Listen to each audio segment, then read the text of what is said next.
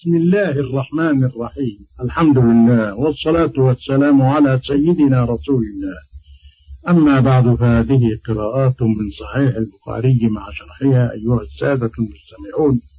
السلام عليكم ورحمة الله وبركاته. قال الإمام البخاري باب التفريق بين المتلاعنين. وروى في صحيحه بسنده عن عبيد الله عن نافع أن ابن عمر رضي الله عنهما أخبره أن رسول الله صلى الله عليه وسلم فرق بين رجل وامرأة وامرأة قذفها فأحلفهما. وفي وروى بسند آخر عن عبيد الله أخبرني نافع عن ابن عمر قال لعن النبي صلى الله عليه وسلم بين رجل وامرأة من الأنصار وفرق بينهم.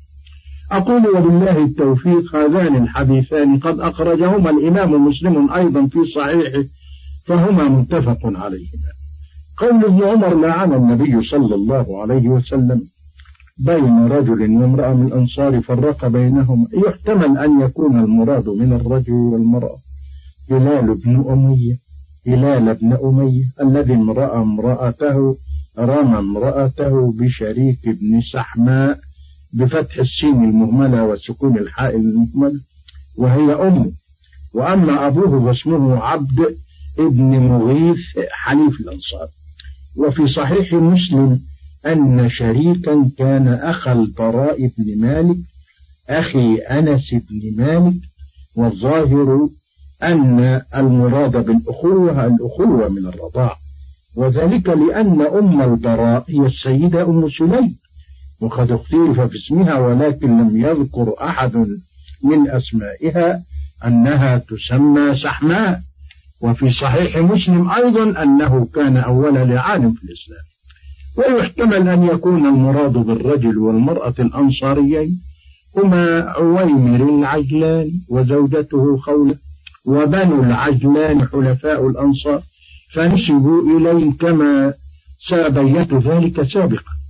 والحديثان ظاهران في أن اللعان يسبب الفرق بين المتعاونين وهي فرقة على سبيل التأبيد ويدل على ذلك ما جاء في رواية أبي داود من طريق عياض بن عبد الله الفهري عن ابن شهاب عن سهيل عن سهل قال فطلقها ثلاث تطليقات عند رسول الله صلى الله عليه وسلم فأنفذه رسول الله صلى الله عليه وسلم. وهنا مسألة مهمة لا بد من بيانها. وهي أتقع الفرقة في اللعان بنفس اللعان أم بإيقاع الحاكم بعد الفراق أو بإيقاع الزوج. وإليكم بيان مذاهب الفقهاء فيها. ذهب الإمامان مالك والشافعي ومن تبعه إلى أن الفرقة تقع بنفس اللعان. ولكنهم اختلفوا متى تكون الفرقة. فذهب الإمام مالك وغالب أصحابه إلى أنها تقع بعد فراغ المرأة من لعانها. وذهب الشافعي وأصحابه وسحنون من المالكي إلى أنها تقع بعد فراغ الزوج من لعانه واعتلوا بأن لعان المرأة إنما شرع لدفع الحد عنها بخلاف الرجل فإنه يزيد على ذلك في حقه نفي النسب. وقال الأئمة الثوري وأبو حنيفة وأتباعهما لا تقع الفرقة حتى يوقعها عليهما الحاكم واستدلوا لذلك بالأحاديث الدالة على أن النبي صلى الله عليه وسلم فرق بينهما كحديث عبيد الله بن عمر العمري عن نافع عن ابن عمر فإن فيه نسبة التفريق إلى النبي صلى الله عليه وسلم لعن النبي صلى الله عليه وسلم بين رجل من الأنصار وفرق بينهما. وعن الإمام أحمد في ذلك روايتان. رواية كمذهب مالك والشافعي ورواية ثانية كبا أبي حنيفة ومن تبعه. وذهب عثمان البتي إلى أنه لا تقع الفرقة حتى يوقعها الزوج واعتل بأن الفرقة لم تذكر في القرآن ولأن ظواهر الأحاديث أن الزوج هو الذي طلق ابتداء. ويقال إن عثمان البتي تفرد بذلك ولكن نقل الطبر عن أبي الشعثاء جابر بن يزيد أحد أصحاب ابن عباس نقله عنه من فقهاء التابعين نحوه. ويقابله قول أبي عبيد القاسم بن سلة أن الفرقة بين الزوجين تقع بنفس القدر ولو لم يقع اللعان. وهنا مسألة أخرى وهي ما إذا أكذب الملاعن نفسه أيحل له أن يتزوجها بعد أم لا؟ فذهب الجمهور إلى أنه لا يحل له أن يتزوجها لما ورد في حديث أبي داود لا يجتمعان أبدا فهو يدل على الفرقة المؤبدة وذهب بعض العلماء إلى أنه يجوز له أن يتزوجها وإنما يقع باللعان طلقة واحدة بائنة وهو قول حماد بن أبي سليمان شيخ أبي حنيفة وأبي حنيفة هو محمد بن الحسن وصح عن سعيد بن المسيب قالوا ويكون الملاعن إذا أكذب نفسه خاطبا من الخطاب وروي عن الشعب والضحاك إذا أكذب نفسه ردت إليه امرأته قال ابن السمعاني لم أقف على دليل لتأبيد الفرقة من حيث النظر يعني العقل وإنما المتبع في ذلك النص. وقد أبدى بعض العلماء المالكية لذلك فائدة. ولكنها لم تسلم له.